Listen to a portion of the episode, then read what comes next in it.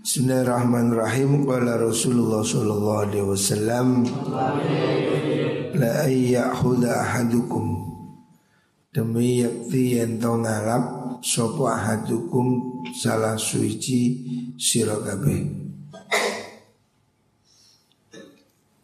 Hablahu ing tampare taline ahad. Nah. Mengambil tali maksudnya bekerja ya mengambil tali untuk kayu nih. Sumaya dulu budalan isu sopoman ilal jabali maring gunung. Fayati mongko nekani sopahat bi huzmatil hatabi kelawan sak bongkoan kayu. Siapa orang pagi hari bekerja ya sebagai misal pergi ke hutan membawa tali mencari kayu ranting. Bekerja mencari kayu bakar nih Faya nuli atol sapa wong ha ing hazmatil Terus faya kufa mongko dadi nyegah Allah Allah biha kelawan mengkono mengkono hazmah wajahu ing wajahi wong iku khairun. Iku luwih bagus lau kedue ahad. Min ayas ala sangking yen toh jaluk sapa ahad annasa ing menungso. Atau hu padha uga paring sapa nas hu ing ahad. Au mana uhu toh nyegah sapa nas hu ing ahad. Maksudnya Rasulullah Shallallahu Alaihi Wasallam menganjurkan agar kita ini menjadi orang yang mandiri ya. Jangan jadi peminta-minta. Bahwa pekerjaan minta-minta itu tidak bagus. Minta-minta menggantungkan hidup pada orang mengemis Itu pekerjaan yang jelek Lebih baik kamu kerja dengan keterampilan. Kalau zaman dulu ya cari kayu pekerjaan yang paling gampang. Itu lebih baik daripada kamu minta-minta. Baik diberi atau tidak diberi. Artinya jangan hidup kamu menjadi beban orang. Jangan mengandalkan orang lain. Semua orang harus berusaha mencukupi dirinya sendiri. Jangan mengemis. Apalagi santri harus punya ya sikap mandiri, sifat wira usaha nih. Makanya saya ini kepingin mendorong. Mana caranya? Santri-santri ini Ya jangan nganggur. Kamu harus berusaha melakukan bisnis apa pun ya. Walaupun kelihatan remeh, ada alumni jualan rosokan. Tapi rosokan itu ya duitnya banyak. Saya ada alumni di Jakarta pengepul besi tua. Oh, tapi duitnya miliaran. Artinya pekerjaan itu tidak ada yang jelek. Selama pekerjaan itu halal, lakukan. Ada yang juragan es, cair terus, es kan cair, panasan itu cair. Jadi kamu bisa bekerja macam-macam. Asal kamu mau ya. Rosokan itu lek sing buanter yo. Saya alumni di Jakarta di mana itu? Di daerah apa di jantung. Itu dia besi tua tapi udah kelas. Borong base 300 oh, di dendeng. Besi tua tapi sudah miliaran. Awalnya pemulung. Dia datang di Jakarta jadi pemulung.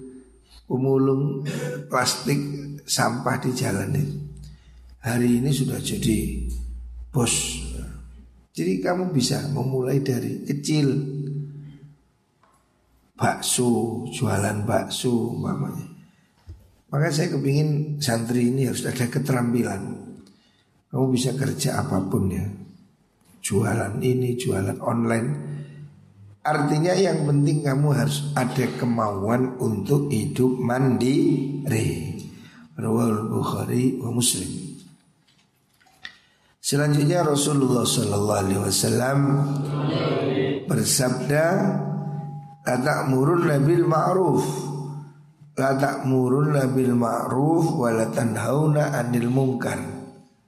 La ta'murunna demi yakti merintah atau hendaknya ya, kamu memerintahkan merintah siro bil ma'rufi kelawan kebagusan wala tauhan wala tanhauna lan becik nyegah sira kabeh.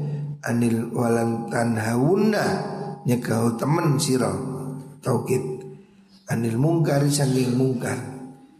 Kamu harus berusaha. Ya, ada taukidnya.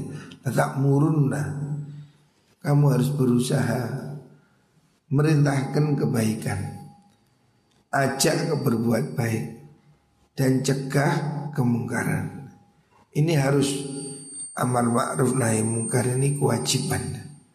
Semua orang harus mau melakukan itu. Kalau tidak, aula Allah, aula Allah utawa yakti bakal nguasa akan temen.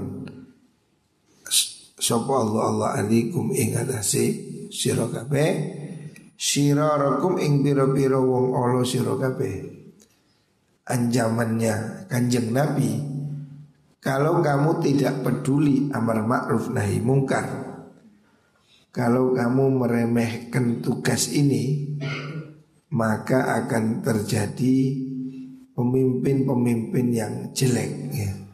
Allah akan mengangkat pemimpin yang busuk Pemimpin penipu Sehingga kamu akan menderita ya Ya salamu dewek ya kamu tidak melakukan amar ma'ruf nahi mungkar. Fayat umongkon dungo supo khiyarukum bagus wong bagus sira kabeh fala yustajabu mongko ora den sembatani sapa lahum maring khiyarukum. Jadi efek dari tidak mau amar ma'ruf nahi mungkar ini satu akan ada pemimpin-pemimpin bajingan, pemimpin penjahat, pemimpin penipu ya, koruptor. Ini karena umat tidak mau amar ma'ruf nahi mungkar sehingga penjahat-penjahat berkuasa. Hari ini sudah terlihat ya. Pilkada-pilkada ini dikuasai cukong.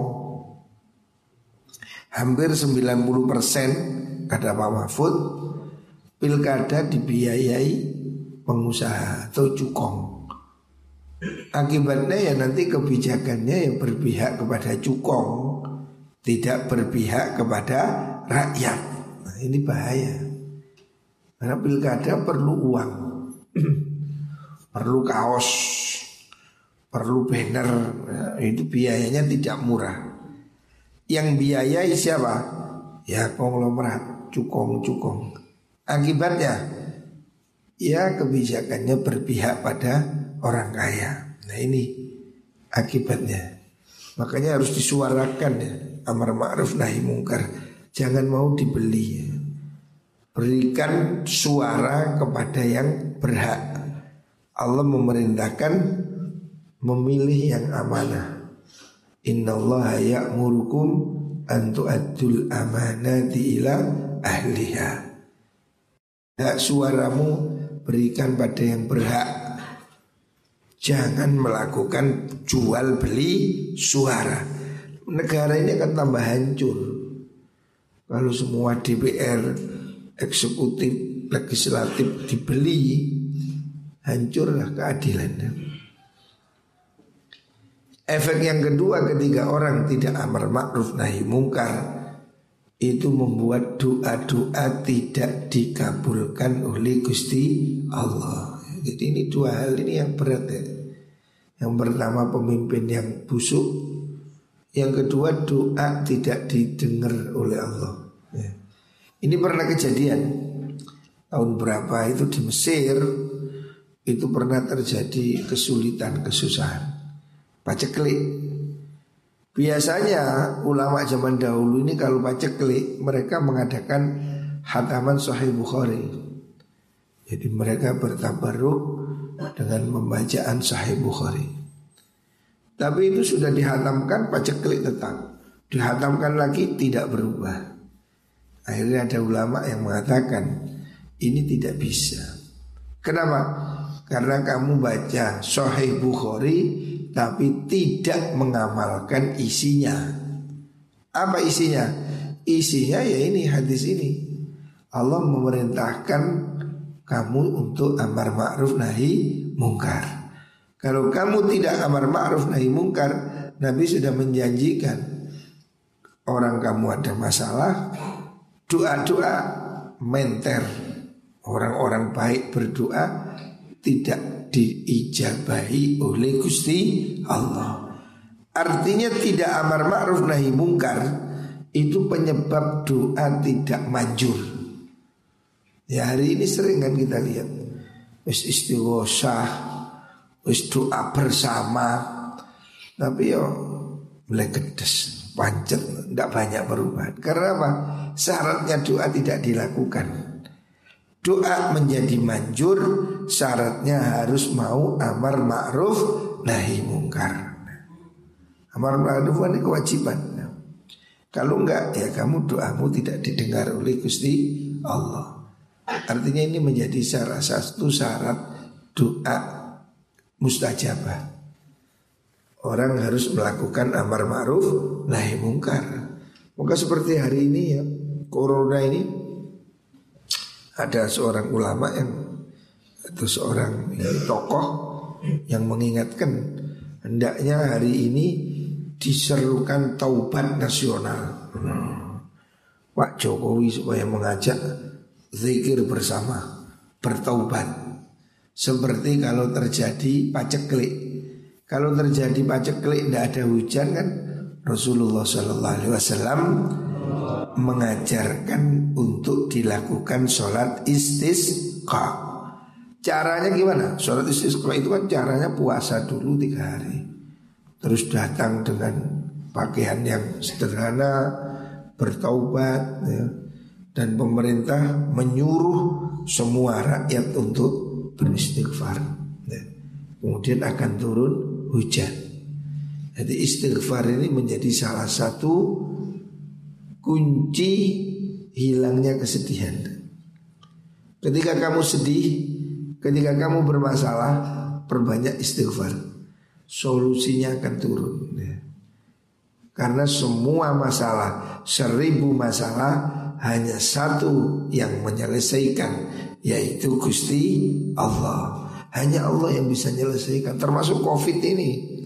COVID ini sudah habis pemerintah sudah habis biaya 800 triliun hmm, triliun itu M T tapi belum selesai ada yang mengingatkan saya ya harusnya hari ini dilakukan taubat nasional semua maksiat ditutup karaoke karaoke ditutup apa itu biliat biliat tutup masjid dibuka Masjid ditutup, karaoke dibuka, wah ya tambah parah. Keliru. Karaoke yang harus ditutup, diskotik tutup, masjid buka. Dengan protokol boleh lah. Tapi kesedihan ini hanya bisa dihilangkan oleh Gusti Allah. Tidak ada yang bisa. Siapa yang bisa mengenyahkan penyakit ini? Covid ini. Tidak ada yang bisa sekarang presiden Amerika aja kena Bayangkan Donald Trump Wah ini kan orang paling Melekedut di saat dunia Wus Wah enak Tidak percaya covid dia Tidak mau pakai masker Hari ini diisolasi Tidak ada kesombongan di dunia ini Presiden Amerika aja kena covid Padahal standar keselamatannya ya nomor satu. Pesawatnya, mobilnya anti peluru, bahkan bom. Kesehatan saya kira ya top itu sudah. Tapi kenapa masih kena covid? Ya. Itulah supaya dia tidak sombong. Hanya Allah yang bisa menyelesaikan masalah itu. Ada buktinya semua negara kena covid ini. Cina yang sombong kena sudah. Amerika kena. Tidak ada yang gak kena.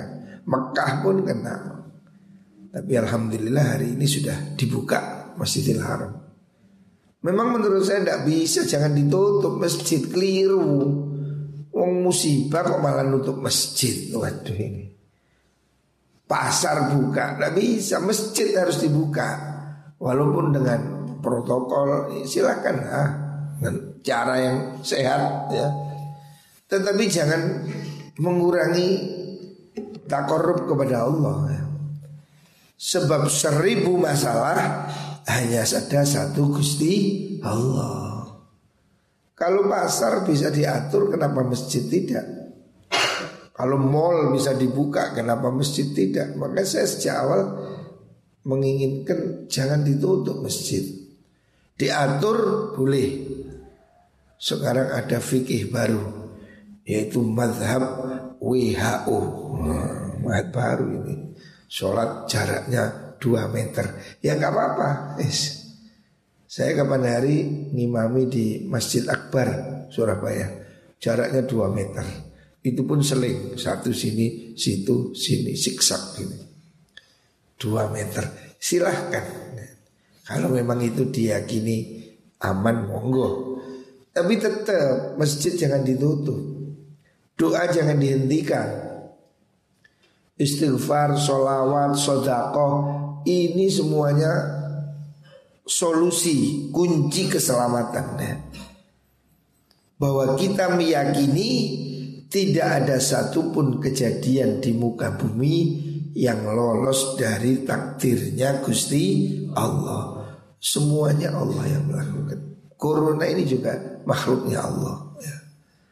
Makanya di samping kita menjaga kesehatan ya, Jangan keluyuran Jangan sembrono Tapi juga jangan lupa Berdoa pada Gusti Allah. Jangan lupa itu. Ikhtiar lahir sudah Batin jangan lupa. Corona kok ditakuti? Yang harus ditakuti Gusti Allah. Kemarin ada beredar di WA Daftar kiai meninggal di musim covid Saya bilang gak usah. Kita memeten-meteni uang Uang mati ku nyini sono wayai Ngono Gak krono covid saya beriman Bahwa hidup mati sudah ditentukan oleh Gusti Allah. Sebelum lahir manusia ini sudah ditentukan ajalnya. Jangan kemudian imannya main cerek oh, Ini mati karena covid. Enggak. Mati karena wis wayai mati. Walaupun kena covid kalau belum wayai mati juga mati. Bukti ya 94% orang kena covid itu sembuh. Pondok Temboro 115 sembuh, Gontor sembuh, tidak ada yang mati. Jadi mati ini takdir Gusti Allah kok mati karena covid. Itu juga salah satu sebab dugaan tetapi yang sesungguhnya orang mati itu sudah ada catatannya. La yastak timuna saatan wala yastakhiru. Ajal itu tidak bisa maju, tidak bisa mundur. Lamun mati saiki yo pancen wis catatane, Jangan mencelek iman gara-gara Covid. Covid harus dihindari ya Ikhtiar ya, jaga kesehatan ya. Tapi iman kita mengatakan semua yang terjadi di muka bumi adalah takdirnya Gusti Allah. Ngoten. Ojo main celek. Rawahul Bukhari wa Muslim. Mudi Rawahul Bazar. Selanjutnya Rasulullah Shallallahu Alaihi Wasallam bersabda, la'anallahu akilar riba. La'ana ngelaknati sinten Allah Gusti Allah. Gusti Allah ngelaknati akilar riba ing wong mangan riba ya. Allah melaknat orang yang makan riba. Ya, ini memang problem ya. Zaman akhir ini riba ini sepertinya menjadi sesuatu yang sulit di dihindari ya. Riba sudah menjadi sistem ekonomi dunia. Tapi yang kita sebisa-bisanya ya mengurangi riba itu. Allah melaknat orang yang makan riba. Tapi riba itu sendiri kan ada definisinya. Naruh bunga di bank apa uang di bank apa riba? Itu ulama berbeda pendapat ya. Melihat akad. Tapi yang jelas-jelas riba itu ya rentenir itu. Lintah darat ngutang no piro? Sewu jaluk balik sewu lima ratus. Nah, itu jelas itu riba tapi kalau masalah bunga bank ini kan ulama masih apa berbeda pendapat ya. di antara ulama masih ada pro kontra. Apakah bunga bank ini termasuk riba atau bukan? Tapi kalau yang jelas-jelas riba ya rentenir itu. Kalau jelas riba itu dilaknat oleh Allah. Wa muwakilahu lan wong kang makilaken ing riba. Wa syahidehi lan wong saksi lurune riba. Itu semuanya dilaknat oleh Allah. Juru tulis wa katibahu lan juru tulis adminis adminnya hum utai mengkunu akilur riba wa muwakil dan seterusnya iku sawaun podo. Maksudnya podo sonir Nah ini yang sekarang hari ini kan ada problem ya. Ada gerakan anti riba itu bagus ya. Saya setuju. Gerakan anti riba. Tetapi ya, Saya kurang setuju di generalisir semua bank riba Sehingga orang sekarang berbondong-bondong resign, tidak kerja di bank. Ya kalau dia bisa kerja lain bagus, bagus memang bagus. Tetapi kita tidak bisa memberi hukum yang sedemikian berat pada semua orang. Karena ya akad perbankan hari ini itu masih ada yang membolehkan. Sebagian ulama masih menganggap ini masih dalam batasan yang boleh ya. Sebagian ulama. Walaupun sebagian yang lain mengatakan itu riba. Ayah saya juga termasuk yang mengatakan riba. Makanya ayah saya itu tidak punya rekening bank. Duitnya di rumah semua Tidak pernah naruh di bank. Tetapi dia ayah saya mengatakan Kalau ada orang duitnya banyak Harus ditaruh di bank ya tidak apa-apa tapi supaya rajin sodakoh Artinya bunganya itu sebaiknya diberikan pada fakir miskin. Jadi ayah saya juga tidak mengharamkan secara mutlak. Ulama berbeda pendapat dalam masalah perbankan ini. Ada yang mengatakan itu haram mutlak. Ada yang mengatakan subhat Ada yang mengatakan boleh Artinya menaruh transaksi di bank, naruh tabungan. Itu ulama berbeda pendapat ya. Jadi kita harus melihat situasi. Jangan terlalu apa keren ya. Lo gak ngono kuwabes nyambut gegek bank leren ya apa? Ini ada gerakan nih. Sehingga orang yang kerja di bank itu dilaknat Allah. Mereka harus keluar. Banyak sudah korban mereka keluar. Baru nu gak iso nyambut kai mari ngono akhirnya ya, membuat kekacauan. Memang kalau bisa ya tidak di situ bagus ya. Bank syariah lah kalau ada. Walaupun bank syariah ini juga prakteknya masih ganti baju. Artinya prinsip-prinsip untungnya itu masih ngacu pada bank konvensional tapi akadnya sudah diatur. Ya itu mungkin lebih baik ya, daripada yang pure konven. Tetapi yang konven sekalipun ulama masih berbeda pendapat. Artinya jangan dibuat berat. Bagi yang mampu tidak ke bank silahkan. Duit saya kayak sore bantal. Yuk gak apa-apa. Duit kayak isor kasur. Atau dicelengi, ya tidak masalah. Kalau mau begitu boleh aja. Saya pernah lihat kiai yang begitu masih ada. Duitnya tunai semua. Ya ada yang begitu. Tapi ada yang bagaimana realita hari ini kita ini transaksi ya kalau tidak pakai bank ya susah kan. Maksud nanti ini gue duit, kan wangel. Makanya ya kita bermuamalah dengan bank ini menjadi sesuatu yang darurat. Karena hampir tidak mungkin transfer tanpa bank, bayar tanpa bank. Bahkan hari ini orang ini ke depan ya mungkin akan semakin ketergantungan dengan bank. Karena transaksi modern ini negara kepinginnya itu cashless. Cashless itu tanpa uang, digital. Ini sudah terjadi di Cina. Di Cina itu sudah 50% bank tutup Karena tidak ada nasabah Orang semua kerja online gaji masuk rekening, dia belanja ya pakai rekening. Jadi kalau di Cina itu orang sudah familiar, bayar apa-apa itu pakai handphone, sudah tidak pakai kartu. Kalau kita kan masih pakai ATM atau kredit card. Di Cina saya lihat terakhir saya pergi Cina dua tahun lalu sudah membudaya bayar itu pakai aplikasi. Kalau di sini UFO, UFO, tahu UFO?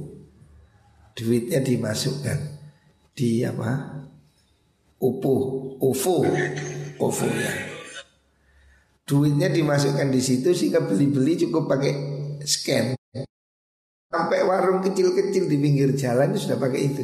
Jadi kalau beli dia tidak terima uang tunai scan jeret. Ada apa? Ada barcode ada QR apa istilahnya? Jeret jadi beli-beli apa ya sudah cocok di scan aja di apa? Apa istilahnya? Di di gini gitu. Di scan nah, scan kode. Sudah jadi jual beli apa pun udah pakai uang di sana orang rata-rata jual beli ya hanya pakai handphone ini ini sedang dikembangkan di Cina itu bahkan tanpa handphone nanti pakai pengenal wajah jadi orang ini wajahnya direkam semua, dipindai. Kalau sekarang kan orang pakai apa ini sidik jari. Ke depan sudah bukan sidik jari tapi wajah. Jadi orang ini kan wajahnya bisa dikenali. Ya kayak Facebook sekarang kamu kan upload foto kan ditandai wajahmu di situ. Jadi kan Facebook tahu wajahiku, wajahiku. Mau sak dunia padahal berapa juta pemakai Facebook. Tapi kamu coba ngupload fotone sapa iku Yono metu Yono ditandai jadi ada aplikasinya nah nanti ke depan itu sudah tidak pakai UFO kalau UFO sekarang kan masih pakai handphone sehingga kita sekarang ya contohnya Grab itu Grab apa jenengi? Gojek. Ini kan bayarnya pakai gu, apa namanya? Gupe gupe duitnya sudah dimasukkan tinggal potong satu. Itu kan kita sudah mulai biasa. Gupe pakai apa lagi? UFO di Cina pakai Alibaba. Sudah Alipay. Mereka sudah digital. Jadi mereka nggak bawa uang tunai gak, gak bisa dicopet. Duitnya ada di handphone. Nah ini juga ke depan nanti dikembangkan pengenalan wajah. Jadi masuk ke mana? Ke supermarket cukup meringis tor wajah, pret, nah lefu, batu, pret, nah Jadi cukup wajahnya di scan belanja, ngedep komputer, seret, mereka tahu sudah. Oh ini duit duit, ini gak duit duit ketara. Jadi oh betul gak duit. Nah. Jadi duit ini semakin digital. Lah kalau kita mengharamkan bank, ruwet rek. Ya apa lu mau nanti gak, gak, gak, banyak hal yang harus dibeli itu sudah harus pakai sudah harus pakai bank, pakai aplikasi itu. Saya pergi ke mana pun beli tiket, beli tiket, lalu saya pergi ke luar negeri, tidak bisa dibayar tunai, harus pakai kredit card. Nah, itu kan bank lagi. Beli tiket, pesen hotel, apa pun ya. Kan bayarnya sudah tidak tunai Sudah banyak aplikasi yang nggak mau nerima uang tunai. Harus transfer. Otomatis kita perlu bank. Makanya kita tidak bisa kemudian kebiawia Mengharamkan semua bank. Repot ya Iyalah uripe kayak Sumawi ngidul kono. Tuku telo, tuku neo bangsane bute apa itu terong. Ini duit itu nih tapi kalau sudah beli tiket beli oh, reservasi hotel ya sudah pakai kredit card. Ya. itu tidak bisa dihindari. Sekarang aja kamu beli di Lazada atau apa Shopee ya lebih mudah pakai OVO atau pakai apa kredit card ya. Nah, makanya kita tidak bisa mengendalisir ya. Semua bank haram ya repot ya, ya harus dipilah-pilah ya. Ya ada yang mengatakan syubhat, ada yang mengatakan boleh, ada yang mengatakan haram. Memang menurut saya ya yang yang moderat itu ya minimal syubhat lah. Artinya bunganya sebaiknya disedekahkan. Nah itu pikiran yang moderat. Tapi yang membolehkan juga ada ya. Sing penting duit-duit yang penting guys. Dijaga bank gak dijaga bank yang penting duit duit. Wallahi